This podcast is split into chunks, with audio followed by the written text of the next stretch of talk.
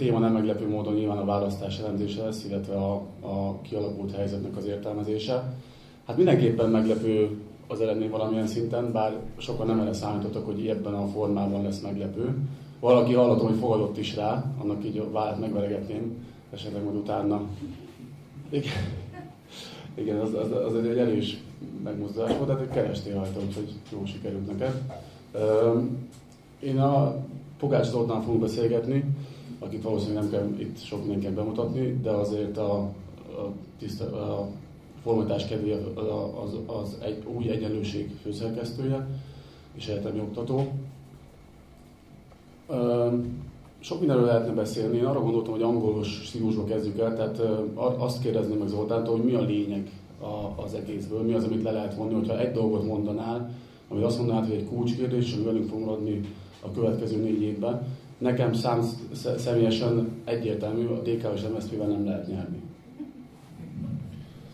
Jó, köszönöm szépen a meghívást. Eh, hogy mi a lényeg, én szerintem érdemes egy kicsit távolabb ellépni eh, a hétköznapi politizálás szintjétől, amit ritkán teszünk meg Magyarországon, mert nagyon sokszor, sőt, szinte mindig beleragadunk ezekbe a hétköznapi politikai ügyekbe, de hogyha szerintem ellépünk, ráadásul azt javaslom, hogy ilyen több évtizedes távlatba lépjünk el, akkor azt lehet látni, hogy egy csomó országban van az, hogy egy politikai áramlat egy bizonyos ideig úgy beáll és dominálja a politikai palettáját egy országnak.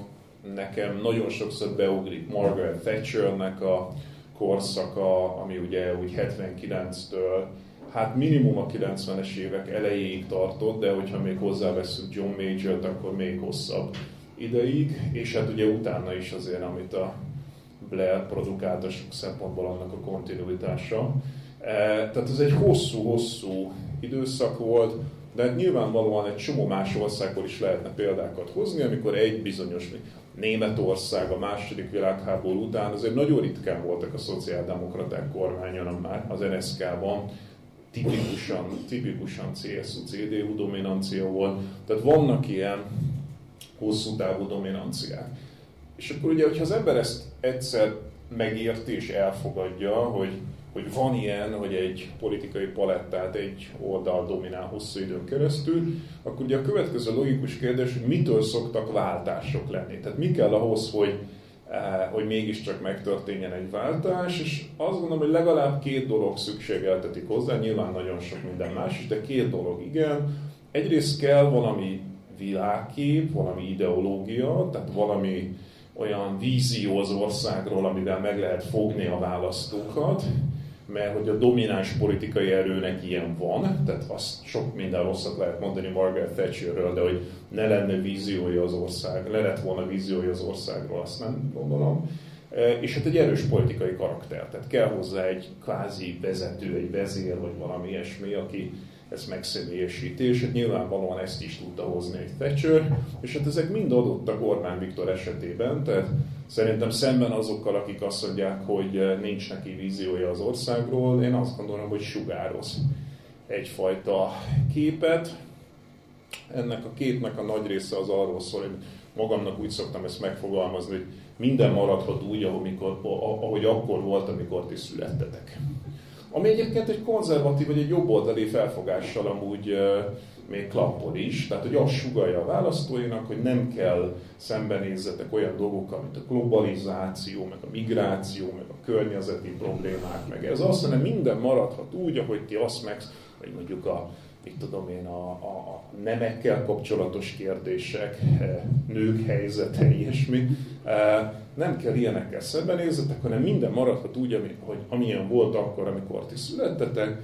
Ez egy eléggé eh, vonzó ajánlat nagyon sok mindenkinek, és hát van hozzá egy karakteres, karizmatikus vezető. Na most ez kell szerintem az, ahhoz, hogy legyen egy váltás, és azt gondolom, hogy ez az, amit a magyar ellenzék nem képes megtalálni mert nagyon fragmentált, tehát azt, amit ma ellenzéknek nevezünk, ugye nyilvánvalóan vannak benne liberálisok, vannak benne zöldek, vannak benne hát ex-szélső jobboldaliak, és erről majd beszélnünk kell, hogy ezek kicsodák, mert ez egy kardinális kérdés, hogy a jobbikosok azok vannak egyáltalán is kik ők. Uh, és hát vannak még elvétve baloldaliak is itt ott, tehát uh, néhol tartalmaz. Néhol nyomaiban még baloldali elemeket is tartalmaz. Tehát Szóval sok mindenfajta ember van, de egyik sem tud igazából egy akkora pártot összehozni, és azért kell egy váltópárt. Tehát ugye azt is látjuk, hogy nyugati demokráciákban kormányváltásokkor kell egy nagy váltópárt. Tipikusan az hogy vagy egyedül, vagy koalíciós partnerekkel, de egy nagy domináns párt váltja le a hosszú távon regnáló kormánypártot. És, hát ez, ez mi, és ugye ezek mind-mind nem adottak Magyarországon. Tehát nincs egy nagy váltópárt, nincs egy igazán erős vezér, egyéniség, nincs egy egységes ideológia, tehát ugye én mindig azt szoktam mondani, hogy ha még az, az, az Egyesült Ellenzéknek a ideológiai nézeteit elkezdjük összeadni és vegyíteni, abból a vegetáriánus steak esete jön ki. Nem lehet, tehát hogy az, amikor azt szokták mindig mondani erről, hogy jaj, de hát találunk kompromisszumokat, meg közös nevezőt, meg nem tudom, nekem mindig úgy tűnt, hogy, hogy ezek annyira ellentmondásos nézetek, amik között nem lehet találni kompromisszumokat. Egy nagyon-nagyon ritka az, hogy lehet közös nevezőt találni, az esetek többségében egymás kioltó nézetrendszerek vannak. Mondjuk vagy, növesz, vagy nő a gazdaság, vagy nem nő, de nem tud nőni is, meg nem nőni is. Egy zöld azt szeretné, hogy ne nőjön, egy liberális azt szeretné, hogy nőjön, és nem lehet -e között találni kompromisszumokat, és rengeteg ilyen példát tudok mondani. Uh, úgyhogy nincs igazából ideológia, ami van, az helyette az nyilván nem meggyőző, tehát amikor arról beszélnek, hogy Európa, meg korrupciómentesség, meg demokrácia, meg ilyenek szoktak lenni, ezek látványosan nem meggyőzőek a magyarok többsége számára, e, nem ugyanazt értik Európa alatt, a korrupciót nem találják meg, megkülönböztető jegynek a különböző pártok között, és tovább. Tehát ami, ami van helyette, az nem működik átfogó ideológiaként, és hát akiket megtalálnak vezetőnek, azok pedig gyengék. Tehát a miniszterelnök jelöltek e, sajnos egytől egyig e, gyengének bizonyulnak ahhoz képest, hogy Orbán Viktorral kellene fölvenni a kesztyűt. Úgyhogy igazából egyik sem adott a feltételek közül, és hát onnan fogva ugye nem meglepő, tehát hogy a kulcs mozzanat az mégiscsak az, hogy ez az Egyesült Ellenzék együtt, hát itt most különböző számok keringenek a gyors számolások alapján tegnap óta, van, aki 800 ezeret mond, van, aki milliót, de nagyságrendileg ezt a, ezt a mennyiségű embert veszítette el e, a múltkori forduló óta, miközben ugye növelnie kellett volna nyilvánvalóan a választói táborát, tehát elveszített sok-sok-sok eh, százezer embert, és hát eh, ugye akkor meg már bele lehet menni boncolgatni, hogy ezek kicsodák, elég valószínű, hogy egy nagy része azok a jobbikosok, tehát, hogy a, az a valami, ami egyszer volt, hogy a Jobbik az egy ilyen radikális jobboldali párt, aztán valahogy ja, volt ez a cukisodás időszak, és én már az utolsó pár évben rendszeresen kérdezgettem, hogy kik a jobbikosok. Tehát én tényleg nem tudtam megmondani, hogy a cukisodás után ki az, aki még jobbikos. És hát valószínűleg azért kérdezgettem, mert nem nagyon voltak már ilyenek. Tehát most szépen lassan kiderült, hogy nagy valószínűséggel a jobbikosok azok valójában átmentek a, e, hát egyrészt a Fideszhez, másrészt pedig a mi hazánkhoz, és hát azt a váltást, amikor mondjuk a végén a Jobbik az gyakorlatilag a DK-nak az alpártjává vált, azt meg aztán tényleg nem szívesen követték. Úgyhogy szerintem a legnagyobb veszteség az a, tehát hogy ebből szerintem kiderül az, hogy szemben azzal, amit mondjuk hogy a megboldogult Heller Ágnes, meg mások mondtak, hogy a jobbikkal együtt kell győzni, és csak a jobb oldalra lehet leváltani Orbán Viktort, ez látványosan nem működik és nem akarnak sem a jobbikosok benne lenni egy ilyen koalícióban, sem a többiek nem akarták igazából ezekkel együtt lenni, úgyhogy ezek szépen átmentek valahova máshova. Szóval akkor szerinted ez lenne a fő konklúzió, hogy se a Jobbika, se a DK MSZP, akkor, akkor... De most megint lehúzod ugye a hétköznapi politizálás szintjére, hát... tehát hogy ugye próbáltam, hogy ezt egy kicsit nagyobb távlatból nézzük, csak aztán ugye egy, erről muszáj beszélnünk, hogy ez volt a valószínűleg a legnagyobb veszteség, de nyilván más veszteségek is voltak, tehát hogy sok mindenki más, ugye volt aki számára, hogy az előválasztáson az ő nyertes, ő jelölte nem nyert, akkor a másikra nem volt hajlandó szavazni, és egyébként valószínűleg fordítva is így lett volna, hogyha mondjuk Dobrev Klára nyer, akkor valószínűleg szintén rengeteg ember nem szavazott volna, és így tovább. Tehát, hogy sokfajta veszteség volt, azt majd még magyarázhatjuk egy ideig, de szerintem az a kevésbé érdekes része, hogy konkrétan kiket veszített el az ellenzék, de azt szerintem látványosan nem működött, hogy egy, hogy egy, egy egyesült ellenzéket kell csinálni, ez összefogósni szerintem legalábbis így ebben a formában nem működik, lehet, hogy szűkebben lehet csinálni. Szerintem az előválasztás az jó ötlet, de ugye előválasztásokat alapvetően egy politikai család szokott csinálni. Tehát, hogy a demokraták között van előválasztás, meg a republikánusok között van előválasztás, és olyan nem nagyon szokott lenni, hogy mondjuk a demokraták előválasztásán indulnak radikális eh, piacpárti keresztény konzervatív jelöltek. Tehát mondjuk Márki Zai Péter az saját profiljával, az mondjuk a, a, a, a republikánus pártnak a Tea Party eh, Bible Belt vonalába illene bele kis túlzással, de hát ugye az ő, ő gazdasági nézetei azok kifejezetten piaci fundamentalisták, a eh, kulturális nézetei saját bevallása szerint keresztény konzervatívak, tehát neki igazából a republikánus pártban lenne helyett, hogy nem indulna mondjuk egy Bidennel, egy Kamala Harris-szel, egy ö, hogy hívják a Pete Buttigieg vagy a... Nem, a, a, a, akit szeretünk, az öreget. Ja, ja, Bernie Sanders. Bernie Sanders, pont nem jut eszembe. Azért egy finom a ragozás de... Igen, igen. De egy Bernie Sanders, ezekkel nem, ezekkel nem indulna egy előválasztásom, hanem hanem egy másik pártba indulna. Tehát, hogy az előválasztás jó ötlet, csak, csak hasonló politikai alapállású emberek között, és nem pedig teljesen eltérő, mert annak az a vége, hogy egyszer csak meglepődnek az emberek, hogy hát ez engem, hogy a búbánatba fog képviselni, hogyha valami egészen mást gondol, mint én, és ezek nagyon sok variációban. Tehát tényleg nem, tehát hogy szerintem sokkal érdemesebb azon a szinten gondolkodni, hogy hosszú távon mert most már ezek az ilyen rövid távú dolgok, ezek szerint ideje lejárt, tehát ezek nem működnek. Ez az ilyen napi izé, hogy akkor most ki milyen pozícióba manőverezt le magát, és hány izé, mandátumot szerzett, meg nem tudom, szerintem ezeknek lejárt az ideje, tehát sokkal nagyobb távlatban érdemes nézni szerintem az Orbán időszakát a magyar történelemben. Kicsit erről szaladtunk, de egyébként nyilván el is akarok beszélni, hogy a, a következő négy évben hogy fog ez működni ez a, a, az összefogás, mert már jó párvezető azt mondta a pártvezető, hogy, hogy, hogy össze kell tartani, bár nekem ez értetlen, hogy ez hogyan fog működni, hogy ez miért is lenne jó. De még visszatérve a, az alaptémához, mégis csak ugye az a matek, hogy a 890 ezer, én azt, azt néztem a Telexen, az volt, hogy 890 ezerrel kevesebbet kapott listán az ellenzék négy évvel ezelőtthöz viszonyítva, úgy, hogy a négy évvel ezelőttében nem volt benne Momentum se és ez, ezt még előtte megkérdeztem Zoltántól, és nem teljesen állt még össze a fejembe a kép, mert ugye 300 valahány ezer vitt el a mi hazánk, az valószínűleg minden jobbikosoktól, ugye ahhoz viszonyítva négy évvel ezelőtt viszonyítva a, a kutyapárt 70 ezeret, és akkor még a Memo, meg mit tudom én, mi meg plusz 100 a Fidesznek, de még azért mindig hiányzik pár százer szavazó, ami nekem elég egyértelmű konklúzió, hogy igenis létezik a bizonytalan és a meggyőzhető szavazó, csak nem a Fidesz oldalán, hanem az ellenzék oldalán, mert mégiscsak azért, hogyha 900 ember nem szavazott le, aki négy évezet oda szavazott, akkor mégis azt mondták az emberek, hogy, hogy nekik nem ez az opció.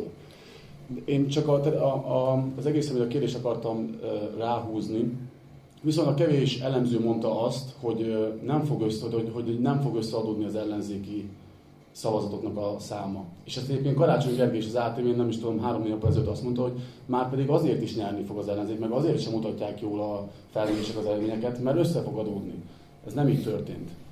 Hát most nem akarom azt mondani, hogy én mondtam, de mondtam. Eh, én, én hosszú évek óta mondom, hogy ez vegetariánus steak, én hosszú évek óta mondom, hogy ez a 2 plusz 2 egyenlő 3 esete, eh, vissza lehet nézni, eh, tele van vele a média, mondtam, hogy ez így lesz. egyszerűen lekoptak ezek az emberek. Tehát, hogy ami a leglátványosabb, az valószínűleg a jobbik, de hát valószínűleg kevesebben szavaztak az MSZP-re is. Nem tudjuk soha, mert ugye csak összlistára lehetett szavazni, de még az is lehet, hogy ugye a, hát a párbeszédnek eleve nem volt túlságosan sok szavazója, e, a, valószínűleg az LMP is elkopott, tehát hogyha azért ezeket így szépen lassan összeadogatod, a sok kicsi sokra megy alapon, azért e, valószínűleg a jobbikosok csak a leglátványosabb átpártolás volt, de azért ki tud jönni ez a sok-sok-sok szavazó, aki elveszett, egyszerűen nem akarnak, és ezért javaslom azt, hogy lépjünk egy kicsit hátra, és hogy kell az összefogás a következőben? Szerintem nyilvánvalóan nem kell, tehát ha nincs választási időszak, akkor meg pláne nem kell. Tehát majd lehet, mit tudom én, négy év múlva a következő kampányidőszakban, ha valaki megerősödött, lesz egy domináns párt, valami, akkor megint lehet ezen gondolkodni. Tehát két választás között aztán pláne az lenne a feladatuk ezeknek a pártoknak, hogy próbáljanak megerősödni. Tehát próbáljanak kialakítani valami profilt, eh, legyen eh, saját mondani valójuk, ami mondjuk úgy illeszkedik a saját pártcsaládjukhoz, eh, legyenek hiteles képviselőjük, mert azért erről is érdemes szólni, egy teris tele volt ez az egész ellenzék olyan emberekkel, akik már a 90-es években is cikik voltak.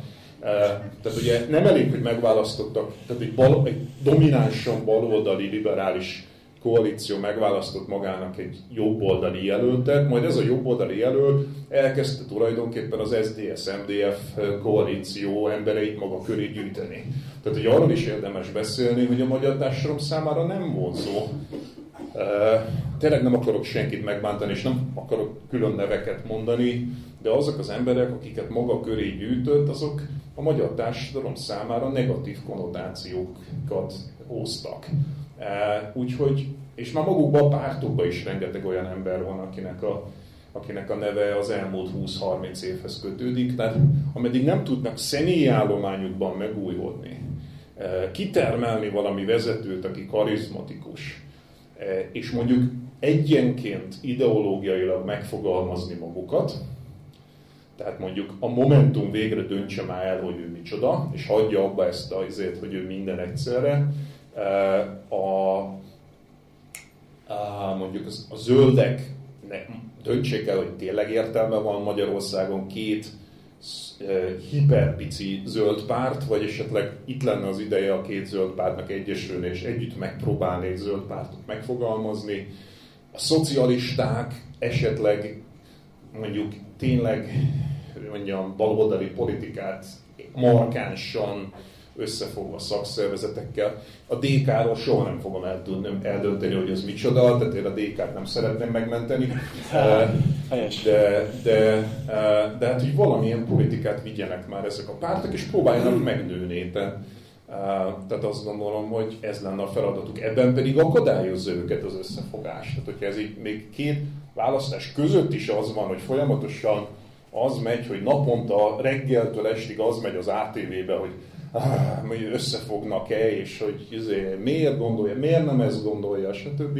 Ez teljesen kontraproduktív, tehát szerintem tök egyértelmű, hogy most ezt az egészet abba kell hagyni, és saját magukat kéne megfogalmazni. Igen, erről mindenképpen beszélünk majd, hogy ez hogyan fog működni.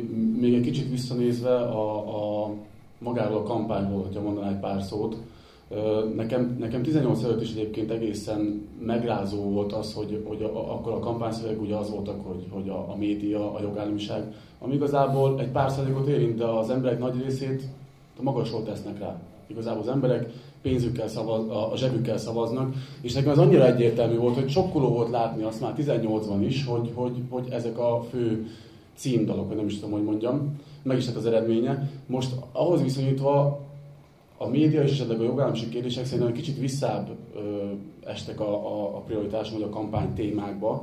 A korrupció az fönnmaradt, amit azért valami szinten persze fönn kell tartani, de egyébként az se érdekli a magyarokat, ami szerintem sokkoló, de, de attól még tény. Mindezeket figyelembe véve is azt is, hogy, hogy, hogy azért Márkize nagyon sokszor egyedül volt ebbe a kampányba, akár szervezileg, akár, akár finanszírozással, akár egy bármilyen támogatás szintjén is, hogy az összes témát neki kell fölvennie, és ugye még ráadásul álltak erre a hibái is, amikor után volt hétfőn egy, egy elszólás, és akkor péntekig védekeznie kellett az ATV-ben, minden egyes médiumban. Tehát, hogy ezt mindezt összevetve, te hogyan értékel az ellenzék kampány? Mennyire volt ö, jó, vagy esetleg nem jó? Most, hogy három-négy kérdést kérdeztél egybe, de akkor megpróbálom külön-külön szálazni ezeket. De kezdjük a Márkizaival. Tehát szerintem a Márkizai az egy tévedés. A Márkizai koncepció az az, hogy vannak Fidesz árvák. Tehát, hogy ő meg fogja, létre fogja hozni a, a moderált, európai, konzervatív pártot Magyarországon a Fidesztől lecsatlakozó Fidesz árváktól. De hát ezt nagyon sokan mondjuk nagyon régóta, hogy ilyenek nincsenek.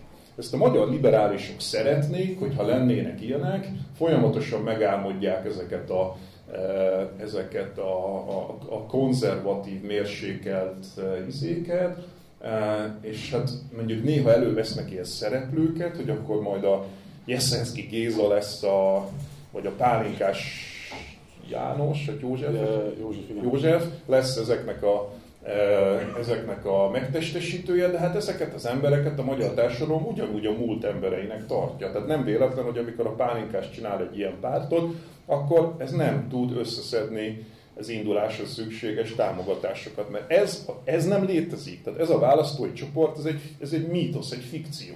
Na most nem véletlen, hogy ugye a Márki Zai nem csinált magának pártot. Mert valószínűleg pontosan tudta, hogy egy ilyen pártnak nincsenek esélyei tehát szerintem ez, a, ez az egész, ez, a, ez, a, ez egy fikció. a témák pedig, ahogy mondod, tehát mondjuk korrupció. Ugye rengeteg felmérés van arról, nem teljesen az van szerintem, hogy nem érdekli az embereket a korrupció, hanem az van, hogy nem látják differencia specifikának a pártok között. Tehát azt gondolják, hogy ha mondjuk az, most az ellenzék került volna hatalomra, akkor az ellenzék körüli emberek ugyanúgy korruptak lettek volna, mint ahogy korruptak voltak nagy részt, amikor ők kormányoztak. És hát sajnos ebbe azok a pártok, amelyek soha nem kormányoztak, ezek bele mosódtak ebbe, a, e, ebbe az egységbe, de hát egyszerűen mindenkit korruptnak gondolnak a magyarok, attól még agasztja őket a korrupció, csak nem ez alapján választanak. A, Másik, ugye ez az Európa például, tehát az a baj, hogy mindent, amit az ellenzék mondott, egy kicsit figyelt az ember a fideszesekre. És szerintem nem figyeltek a fideszesekre. Tehát ez egy másik probléma, hogy nem próbálták megérteni a fideszesek gondolkodását. Tehát mondjuk az egész orosz-ukrán helyzetet, ugye ráhúzták ezt a választani kell Európa és Ukrajna között, vagy Európa és Oroszország között. De hát ugye a fideszesek sose gondolták azt, hogy ők Oroszország akarnak lenni. Tehát olyas valamiről beszéltek, amit egyszerűen a másik oldal nem ismert magára. Ezt honnan tudjuk? Onnan tudjuk, hogy például a Policy Solutionsnek van egy alig pár évvel ezelőtti felmérése, amikor megkérdezték az embereket, hogy milyen társadalmi modellt szeretnének Magyarországnak, és egyébként az Egyesült Államokat is nagyon kevesen választották. A legtöbb magyar az Németországot, Ausztriát ilyet választotta, Putyin Oroszországát 2% választotta összesen. Tehát nincsenek Magyarországon olyan emberek, akik Putyin Oroszországához hasonló országban szeretnének élni ők nem úgy, a fideszesek nem úgy gondolnak Orbán-Putyin barátságára, hogy ez egy civilizációs, kulturális választás, ahogy azt az ellenzék elképzeli, hanem egy pragmatikus lépésnek gondolják. Ugye ez az, amit úgy hív a e, nemzetközi kapcsolatok elmélete, hogy Nixon goes to China, e, ugye csak Nixon mehetett Kínába, mert Nixon nem a demokrata párt volt. Orbán Viktornak sokkal könnyebb volt Oroszországgal barátkozni, hiszen ő volt az, aki annak idején beszédet mondott az orosz csapatok kivonulásáról.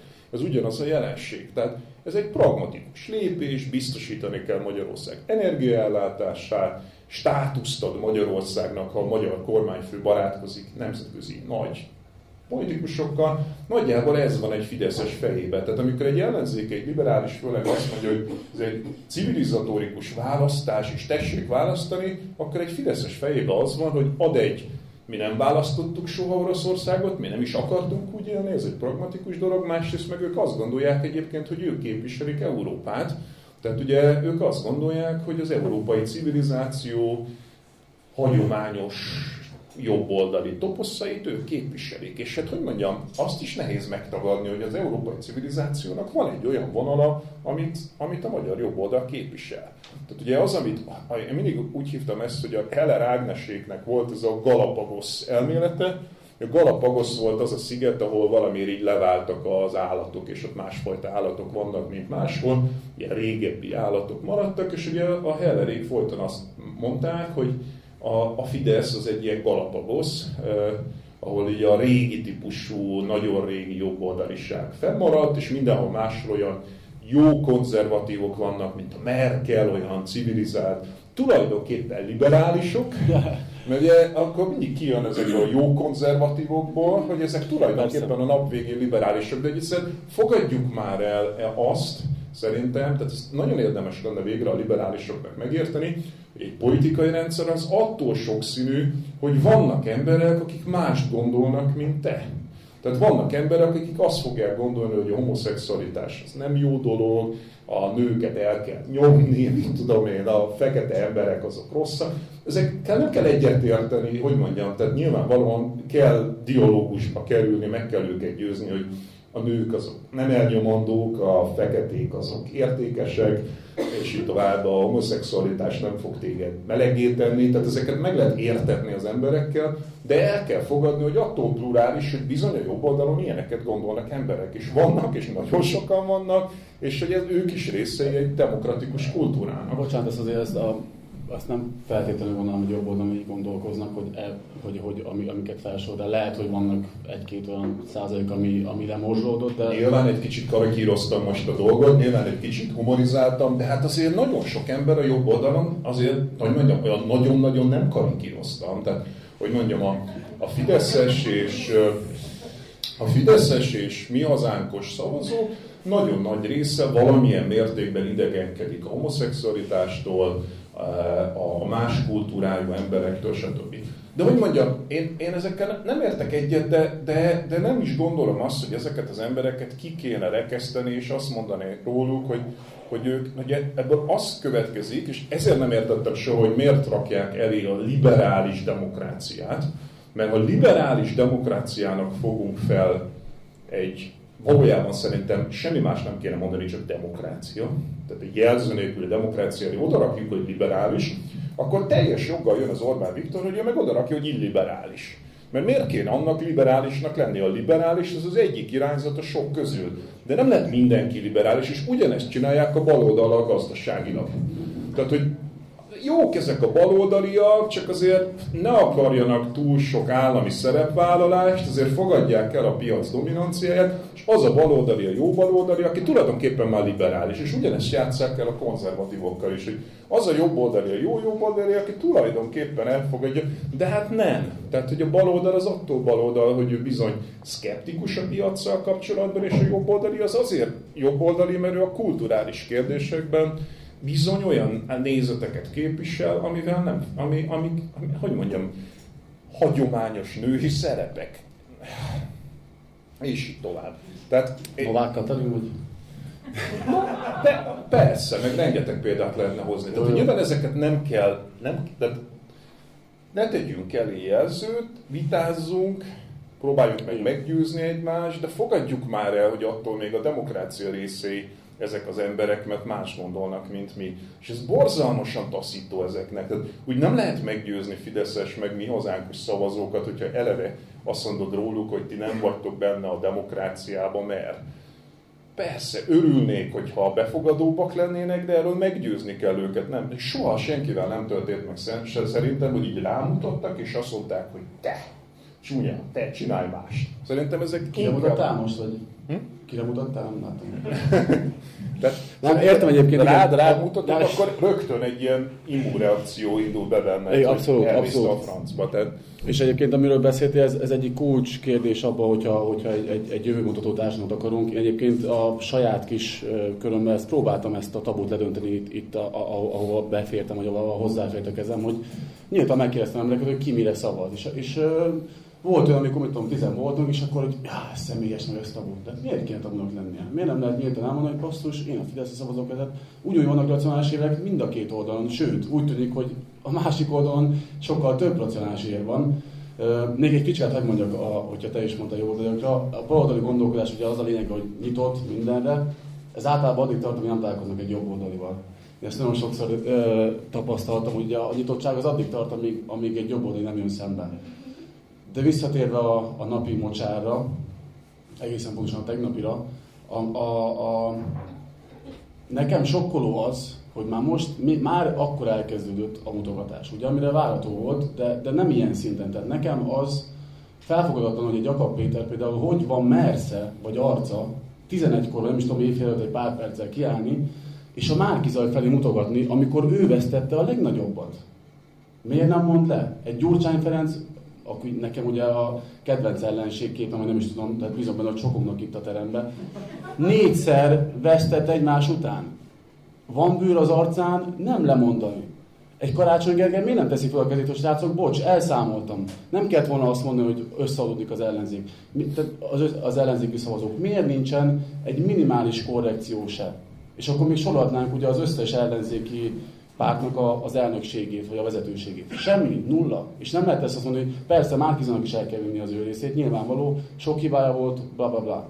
De hát azért itt ebben mindenki benne volt nyakig. Hát szerintem a Karácsony Gergőnek egyébként nem ezt kéne mondani, hanem meg kéne magyarázni ezt a Karigeri Harakiri nevű jelenséget. Tehát, hogy ezt szerintem mind a mai napig senki nem érti, hogy másodikként miért ő megy el hódmezővásárhelyre, ha le akar, vissza akar lépni, akkor miért dobja be ezt a villamosos sztorit, meg ez a, ez a hülye beszólása a röplabda meccsel, szóval, hogy ezeket ezeket mind-mind-mind meg kéne magyaráznia, mert szerintem ez magyarázatra szorul, szóval szerintem a Gergőnek egyszer ezzel, ezzel el kéne számolni, hogy miért nem ő lett a jelölt. Nem hiszem, hogy nagyobb, tehát nem hiszem, hogy győzött volna, de egyébként az simán lehet, hogy nagyobb esélye lett volna, Márkizainak, de minden esetre valak, mikor egyszer ezt azért így tisztázni kéne, hogy ez mi volt mégis, hogy, eh, hogy második helyről visszalépünk a harmadiknak.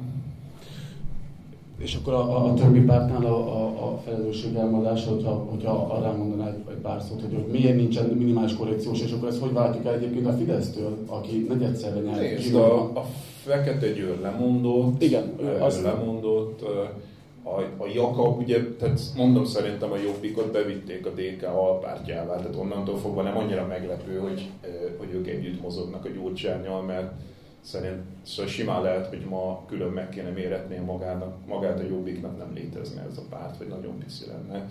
Uh, tehát az nem meglepő, hogy a Jakab nem mond le. Uh, ki van még? Gyurcsány.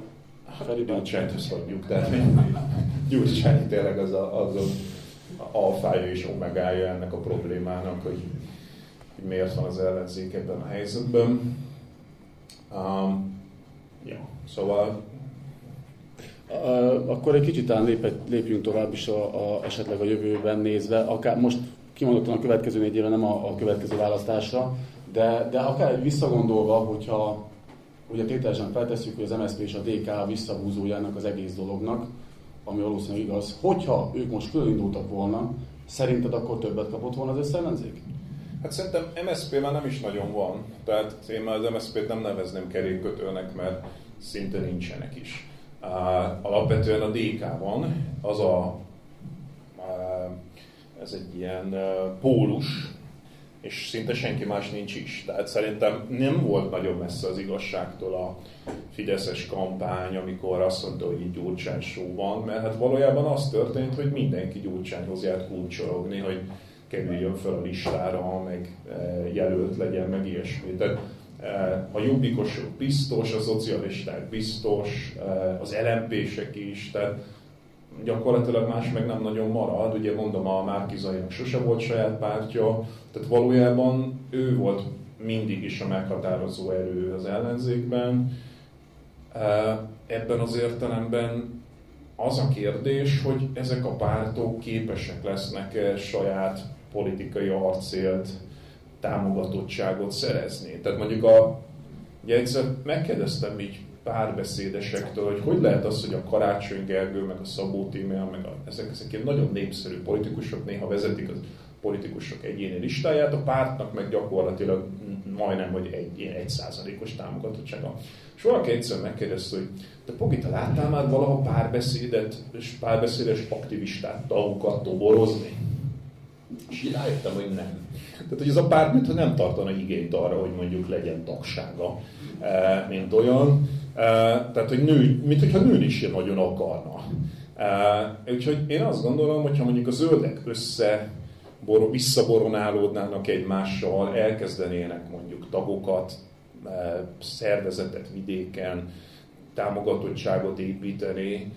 Hát nem tudom, hogy a szocialisták erre mennyire képesek, mert lehet, hogy már túl öreg a, a, a hátországuk, tehát ott azért egy nagyon előregedett hátország van, de valahogy valakinek a baloldalt is újra kéne építenie.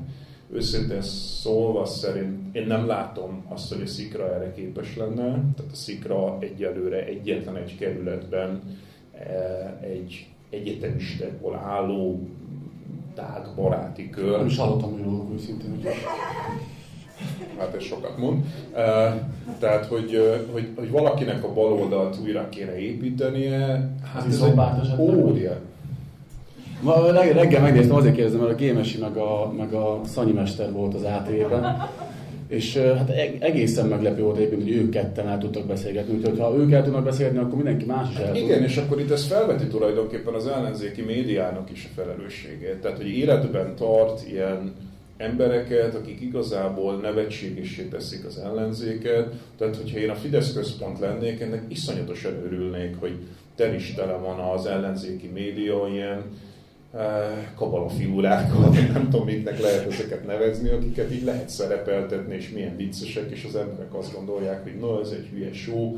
Tehát egy nem, ez a komolytalanságát erősíti, hogyha ha ilyen szereplőket fenntartanak, már pedig fenntartanak. Hát egyrészt a múlt embereit, tehát hogy ha, ha valaki pár napig nézi az ATV-t, akkor azt látja, hogy ott egy ilyen Jurassic Park van, meg egy ilyen kabala figura. Izé.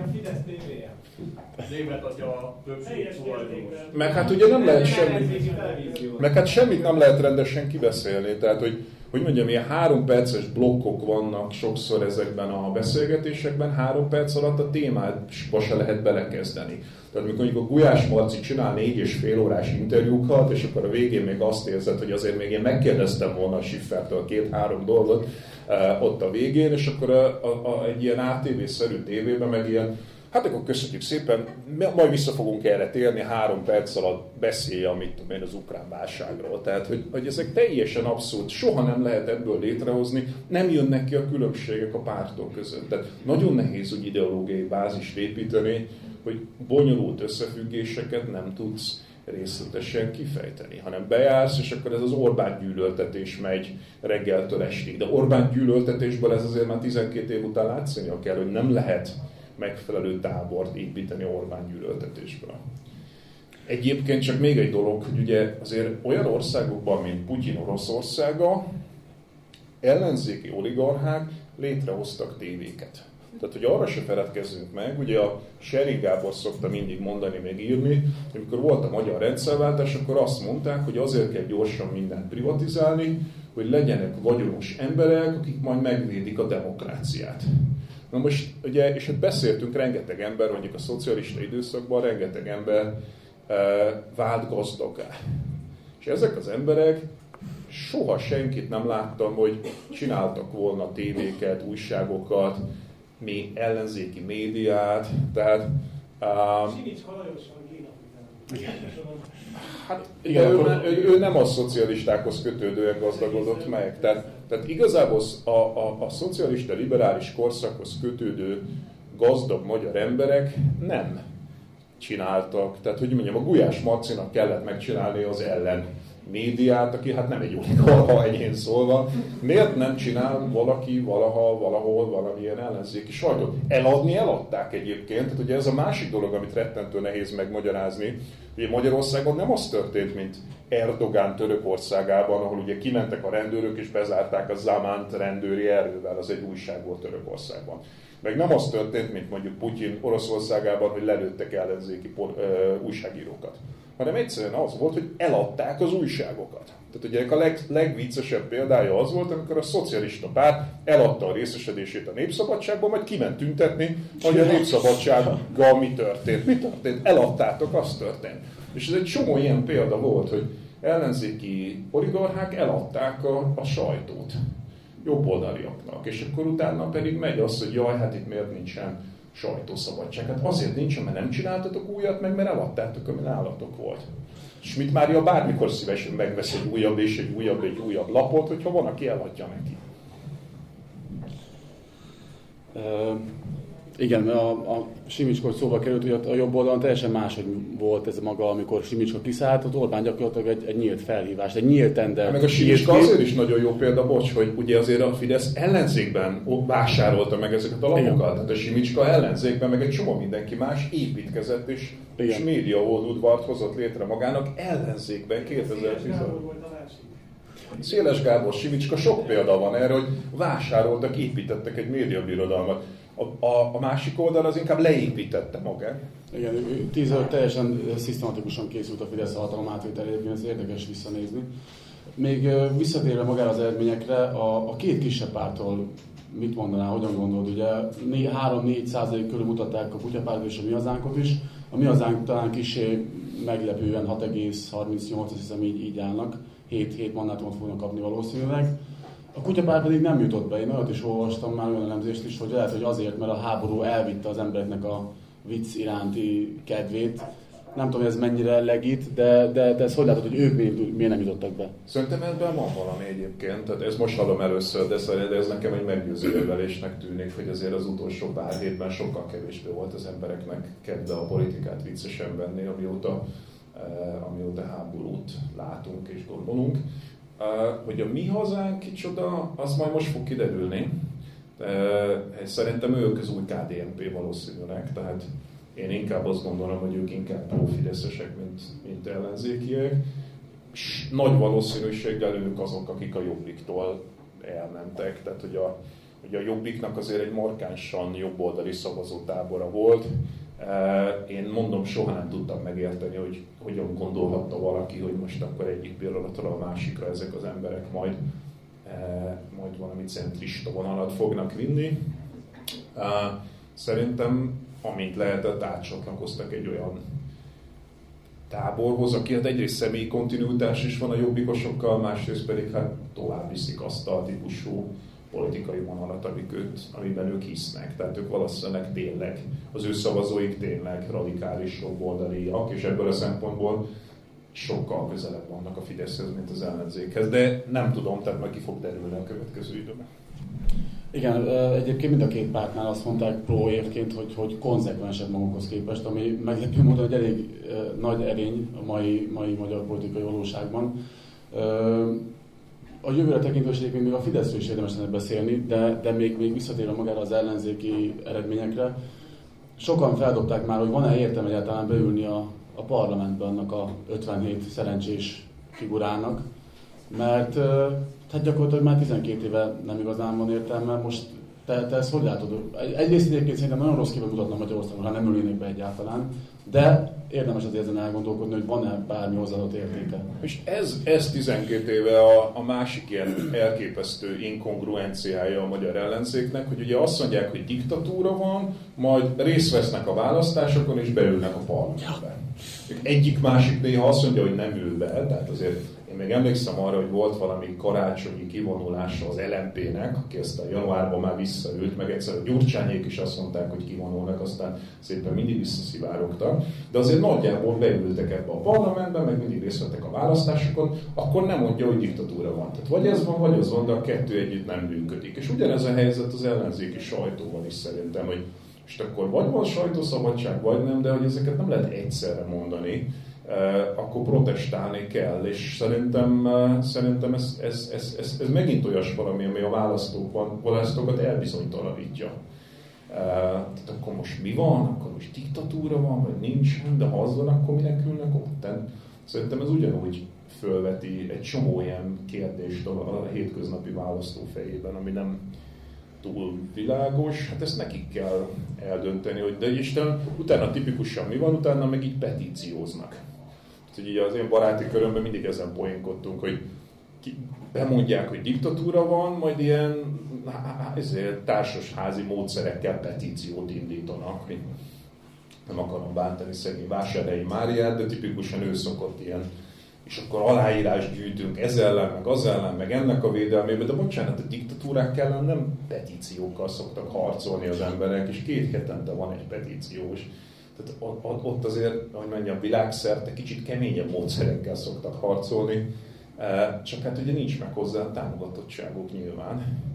Ez a petíció meg teljesen lejáratott műfaj, Sőt, ugye igazából nem tudják, hogy mit kell csinálni. Tehát, hogyha meg kimennének a parlamentből, akkor meg ugye fogalmuk sincsen, hogy hogyan kéne politizálni, mert hát ott legalább vannak valami formális keretek. Én meggyőződésem, hogy senki nem nézi, hogy mi történik a parlamentben. Tehát szerintem ez egy tévedés, amikor azt gondolják, hogy bárki is figyelne a parlamentbe, de hihetetlen sokszor lehet hallani parlamenti politikusoktól, hogy azért vagyunk benne, mert ott legalább valaki figyel ránk, de szerintem a kutya nem figyeli, hogy mi történik a magyar parlamentben. Uh, valószínűleg el kéne menniük az emberek közé, valahogy megtalálni ezeket és beszélgetni velük, hát ez sokkal munkásabb.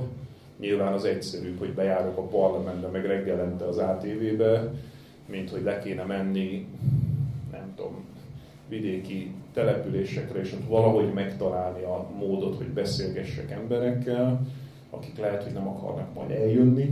Tehát ez nyilván nagyon bonyolult, és nem könnyű, tehát hogy mondjam, most azért bántjuk ezeket a politikusokat, de ezért nyilván ez egy nagyon-nagyon-nagyon nehéz műfaj. Tehát azt azért lássuk be, hogy ha, valakinek ezt nektek kéne csinálni, szerintem ti is nagyon-nagyon-nagyon megszenvednétek azzal, hogy hogyan lehet utat találni a, a, a választóhoz. Hát ripacskodva valószínűleg nem, amit az elég sok helyről lehetett hallani. Beszéljünk akkor kicsit a Fidesz szemszögéből, a, a, vagy, vagy legelsőnek a választás tisztaságáról. Ugye azt legtöbben, sőt szerintem gyakorlatilag mindenki elismerte, hogy, hogy nem volt választási csalás. Ugye mindenhova jutott két független, vagy nem tudom, ellenzéki szavazatszámláló is, tehát ez gyakorlatilag ki lehet zárni. És nagy részét irány volt, és így lett két hogy összeállt az ellenzék. Tehát gyakorlatilag ez a totális győzelemnek a, a megtestesítője. Nyilván volt ellenszél is, persze, meg hétszer annyit költöttek, ha jól, jól olvastam, hétszer annyit költöttek az egész kampányra, mint az ellenzék tudott. De mindez figyelembe hogyha eddig se volt fék, és 12 évig kétharmad volt, és most lesz még négy év kétharmad, akkor mi lesz a fék? Mi lesz, mi, mi, ugye Orbán azt érezheti meg a legtöbb Fideszes, vagy Fidesz szavazó, vagy parlamenti képviselő, mit tudom én, hogy, hogy, hogy ezt akarják az emberek, mert, mert megszavazták őket. És egyébként ez, ez még, tehát egyrészt erről mit gondolsz, hogy, hogy hogyan fog alakulni a következő négy év, lesz-e bármilyen természetes vég a Fideszen belül. Másrészt én lehet, hogy ez megint az én személyes uh, echo chamberöm, vagy nem tudom, hogy mondjam, de a legtöbb Fideszes barátom, ismerősöm, akivel beszéltem, mindenki azt mondta, hogy nem akar kétharmadot. És mégis kétharmad lett még egyszer. Hát nyilván a fék az egy ellenzék lenne, és az ellenzék kormányra kerülne, meg aztán átalakítaná sok minden. De hát ugye ahhoz, hogy legyen, ehhez mondom, az egyik feltétel az lenne, hogy kikövetelni. Tehát ugye ezért most ugye a politikusokat bántottuk elég sokat az elmúlt mondjuk 20 percben, de azért beszéljünk már arról is egy kicsit, hogy a, a választóknak is többet kéne tennie. Tehát például ki kéne követelni a számukra szimpatikus politikai erők megtisztulását. Szerintem azért az is egy felelősség, hogy, hogy azért, mert nem szereti Orbán Viktor, attól még ne hagyjon helyben olyan politikusokat, akik már 20 éve is lejárt lemezek voltak. Tehát amíg politikai közösség, vagy mondjam, bárhova nézzünk a nyugati világba, ha a politikusok egy generációja megbukik, akkor egy másik jön helyette, és nem nagyon van mintánk arra, és most direkt az ellenzékről beszélek, hogy valakik 30 éven keresztül ott maradjanak egy helyben. Tehát amikor megbukik a Labour Party-nak, vagy az SPD-nek az egyik generációja, akkor azok úgy eltűnnek, visszamennek a magán életbe, és csinálnak valami polgári foglalkozást, és jön a következő és a következő. Magyarországon meg nem ez történik, hanem itt gyakorlatilag a 90-es évek óta itt ragadtak velünk ilyen politikusok, és mind a mai napig ugye ez az, akiket Jurassic Parknak neveztem, hogy gyakorlatilag kirobbanhatat, kirobbanthatatlanok a magyar közéletben, és még mindig ők, tehát nem akarom bántani szegény Kunce Gábor, de amikor megláttam, hogy még Kunce Gáborok kampányolnak a 22-es választáson, és rengeteg ilyen példát lehetne mondani.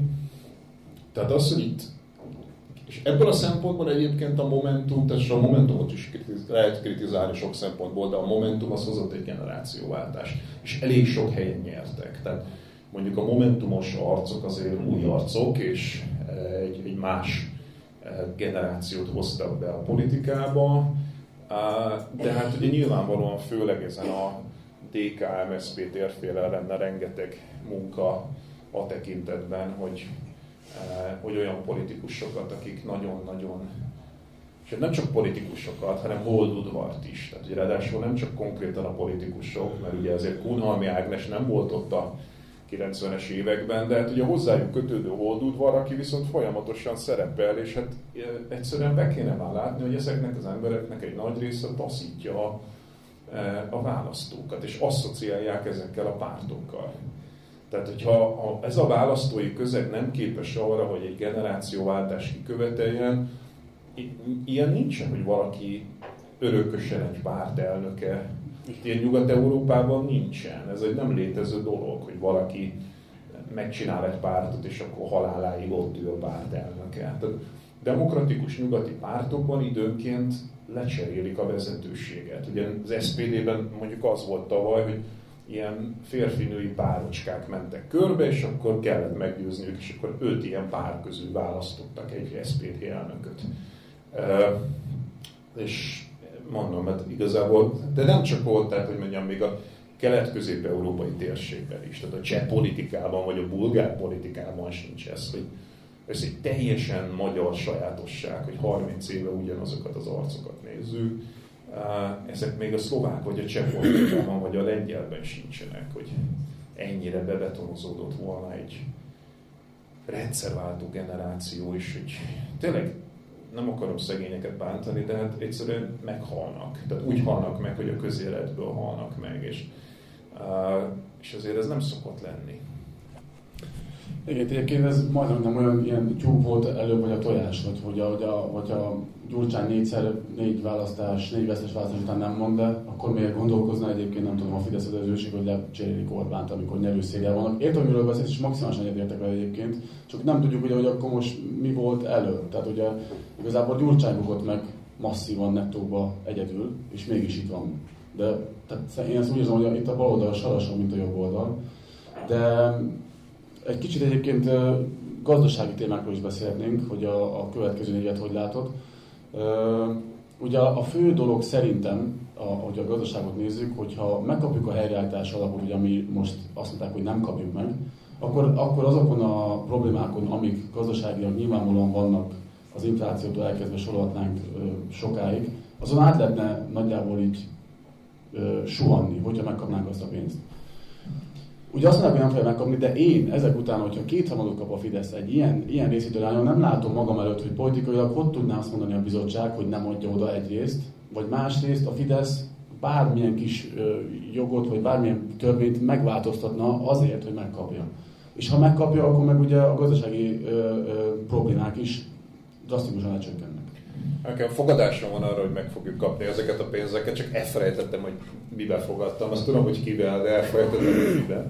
E, szóval szerintem oda fogják adni ezeket a pénzeket, de itt megint azt javaslom, hogy lépjünk el egy kicsit távolabb, mert szerintem az igazán nagy kérdés, hogy az a gazdasági paradigma, amit az Orbán rendszer e, bevezetett és visz, az ho- hova vezet hosszú távon, mert szerintem az egyik ilyen nagyon-nagyon kardinális kérdés, ugye nézzük analógiákat. Tehát mondjuk távol-keleti országokban megtörtént az, hogy mondjuk hosszú időn keresztül a jobb oldal volt kormányon, mondjuk Tajvanon, Szingapurban, Dél-Koreában, és akkor az történt utána, hogy hát évtizedek után, de egy olyan középosztály jött létre, amelyik egyébként egy pluralitást vitt a dologba, és, és kiharcolt egy minőségi demokráciát. Na most a kérdés az az, hogy Magyarországon az Orbán féle gazdaságpolitika eredményeképpen létre tud-e jönni egy olyan középosztály, ami például lecseréli ezt, a, ezt az ellenzéki politikus generációt, maga létrehoz pártokat, megfinanszíroz sajtót, e, stb. stb. belép szakszervezetekbe, tehát hogy egy, egy érdemi politizálást e, tud csinálni.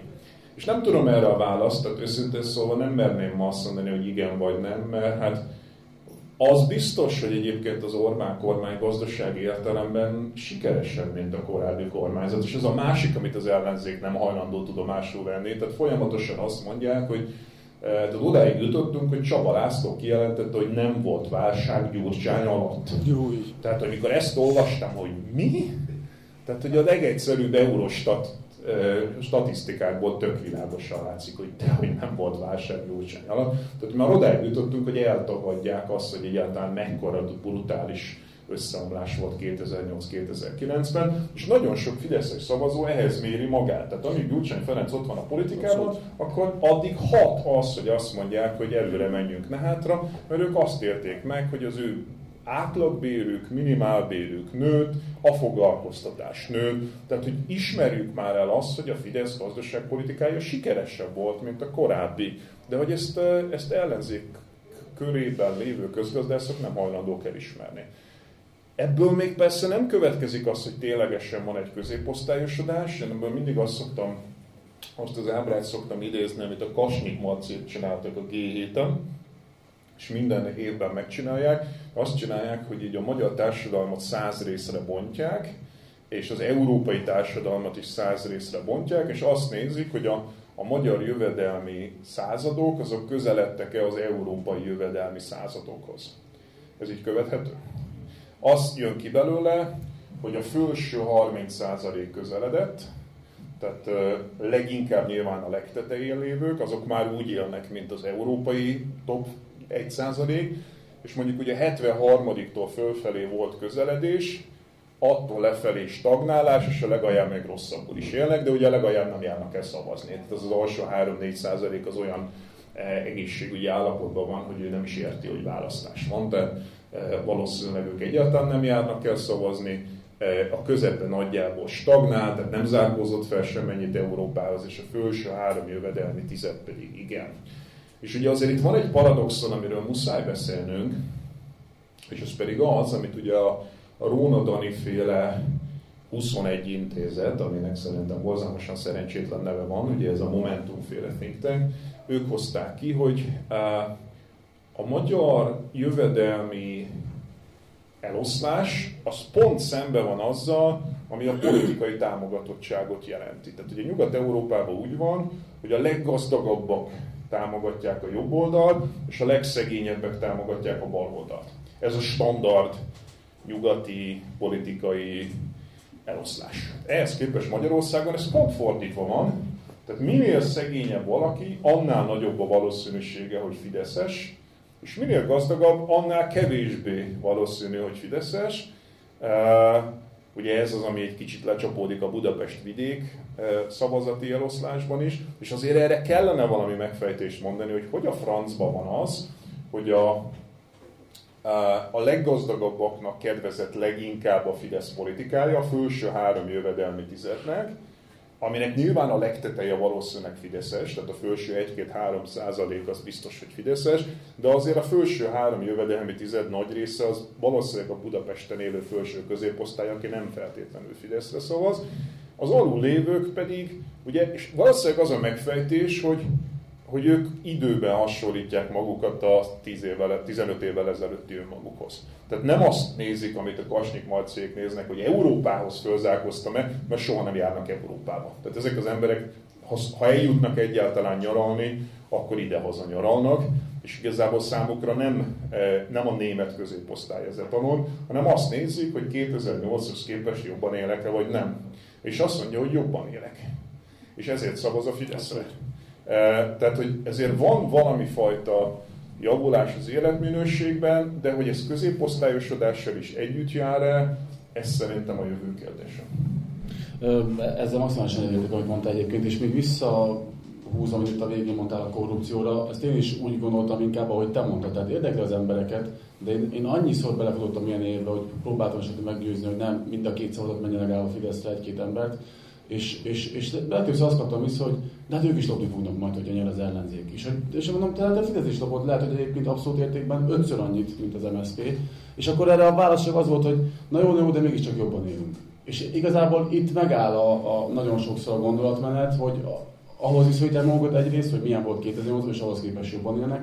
Másrészt, igen, ahogy te is mondtad, említetted, aki ezt átélte, azt a, a, azt a válságot, a politikai válságot, a gazdasági válságot, az, az nem fogja hát a közepére se kívánni a Gyurcsány semmilyen szinten. Szerintem van itt egy nagyon fontos dolog, amit megint csak meg kéne érteni, hogy a hétköznapi magyar választó számára az állami költségvetés az valami más, az valami távoli, az nem az én pénzem.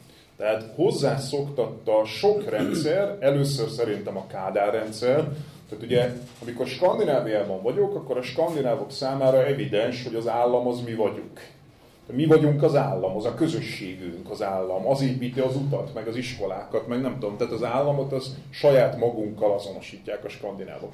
Magyarországon meg ugye az állambácsi, volt is egy ilyen kifejezés a Kádár rendszerben, hogy az állambácsi, az egy valami más, az jön, az csúnya, az adóztat, az elnyom, az valaki más. És akkor ez ugye folytatódott a rendszerváltás után, és itt elképesztő bűne van ennek az ellenzéki politikai elitnek, mert soha nem adták azt az érzetet a hétköznapi magyar embernek, hogy ha ő befizeti az adóját, akkor abból közösségi dolgokat jól megfinanszírozunk, tehát mondjuk egyenlően jó oktatást, érdemi egészségügyi rendszer, tehát érdemes befizetned az adódat, és az is a tied, ami ott van, hanem az van, hogy a magyar ember az be van zárkozva a saját kis lakásába, vagy a saját kis házába, mi azon túl van, azt nem érzi az övének, és akkor miért? Azért, mert ugye mindig azon gondolkodtam, hogy miért nem lázadnak fel a szülők, hogyha rossz az iskola, vagy a betegek, hogyha rossz a kórház.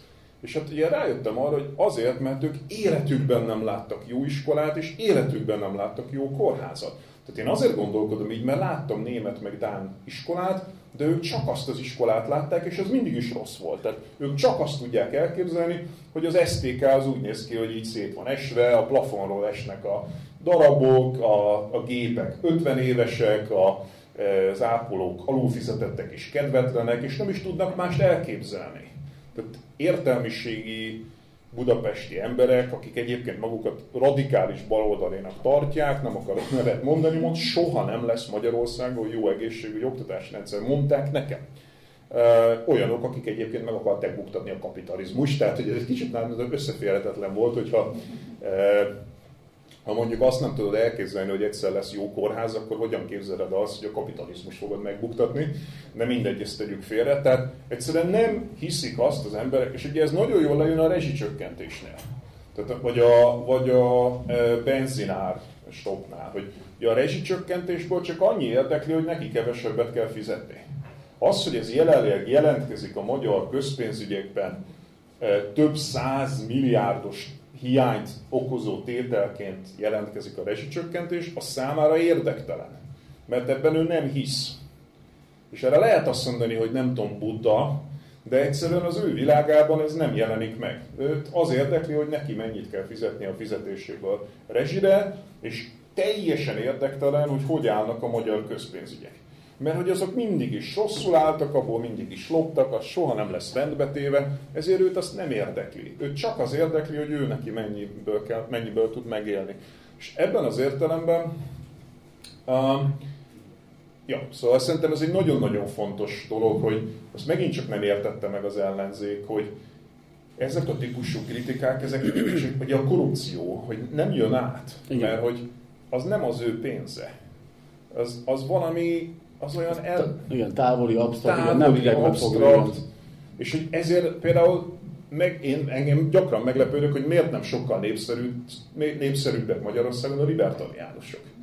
Mert hogy azért ez egy baromi jó érv, hogy ne is fizessük be az adónkat, mert akkor nem tudják ellopni. Tehát, hogy, hogyha, ha, ha, hogy mondjam, ha nem a leves ember képviselni őket Magyarországon, szerintem ennek egy nagy pártnak kéne lennie Magyarországon, mert iszonyú jó érv, hogy, hogy, hogy, hogy tényleg meggyőző. Csak az a baj vele, hogyha ugye, ha nem fizetsz adót, akkor az életben nem lesz jó oktatás, egészségügy, stb. Tehát nyilván hosszú távon ez egy rossz érv, de rövid távon ebben a kontextusban, ahol az emberek nem tartják a sajátjuknak az államot, én meglepődök, hogy nem kerülnek be a leveskék a parlamentbe, mert, mert szerintem ez egy tök jó érv, hogyha így gondolkodik a társadalom. Igen, lehetne még egy kutyapártal, nem tudom de mm, viccet féltéve, még, még mielőtt átadnám a szót a közönség kérdéseinek, még, még egy kérdést tennék afelé, hogy, a, hogy, hogy hogyan tovább az ellenzék részéről. Tehát, ugye most sokan nem tudom, hogy szét tudnak-e válni, hogyha már egyszerben vannak, ezt nem tudom pontosan, hogy ez hogy van, hogy van itt a, a, a jogi húzavona. De akkor te hogy látod, hogy az, akkor is az is egy konklúzió volt, hogy összefogásként egyértelműen nem megy, akkor négy év múlva is ugyanúgy kéne indulni, hogy négy év múlva se kéne legalábbis nem mind a hat pártnak. Hát nézd, azért a választójogi törvény az egy kemény dolog, tehát azért, hogyha valaki le akarja váltani egyszer a Fideszt, akkor azért a jelenlegi választójogi törvény értelmében Igen. érdemes neki összefogni, de nem most. Tehát most négy éve van arra, hogy építse fel magát. És hogyha lesz mondjuk egy nagy párt, vagy kettő, amelyik összefog, és esetleg maga mellé veszi a kicsiket, az akkori erőviszonyok alapján majd lehet ezen gondolkodni. De szerintem a következő négy évük az szóljon arra, hogy építsék fel magukat egymástól függetlenül. Tehát ne egymással foglalkozzanak. Ungár Pétert ne az érdekelje, hogy mit mond a Gyurcsány, meg mit tudom én, ki lesz az MSZP vezetője, az ne, hanem építse fel a saját politikai holdudvarát, nézetrendszerét, sok emberrel értesse meg, hogy mit gondol a világról, legyenek klubjaik, tehát hogy az, az sincs Magyarországon, nincsen sajtójuk, nincsenek embereik, Ugye ezt egyszer a e, Lendvai Ildikó be is vallotta nekem egy beszélgetésben, hogy az egyik legnagyobb hibájuk volt, hogy egyszer nem hoztak létre helyi, ugye a, ahogy a jobb oldalnak a helyi lába az, az az egyház. Meg a polgári körök volt. Meg a polgári körök, de az egyház is, tehát ugye a liberálisok azon is folyton föl vannak háborodva, hogy az egyház miért kampányol a kereszténydemokraták mellett. A világon mindenhol ezt teszi. Az egyház mindenhol a jobb oldal, tessék megnézni az amerikai republikánusokat hogy a, hogy a, hogy a CSU Bajorországban. Ez egy teljesen standard dolog. Ugyanez lenne a bal oldalon a szakszervezet. Ugye az, hogy a szocialista párt felszámolta a kapcsolatát a szakszervezettel, és a szakszervezetek cikinek tartják a szocikat, e, az egy, az egy világ innováció. Igen, e, ilyen, ilyen, ha ezt egy elmagyarázom Nyugat-Európában, akkor úgy néznek rám, hogy hülye vagy.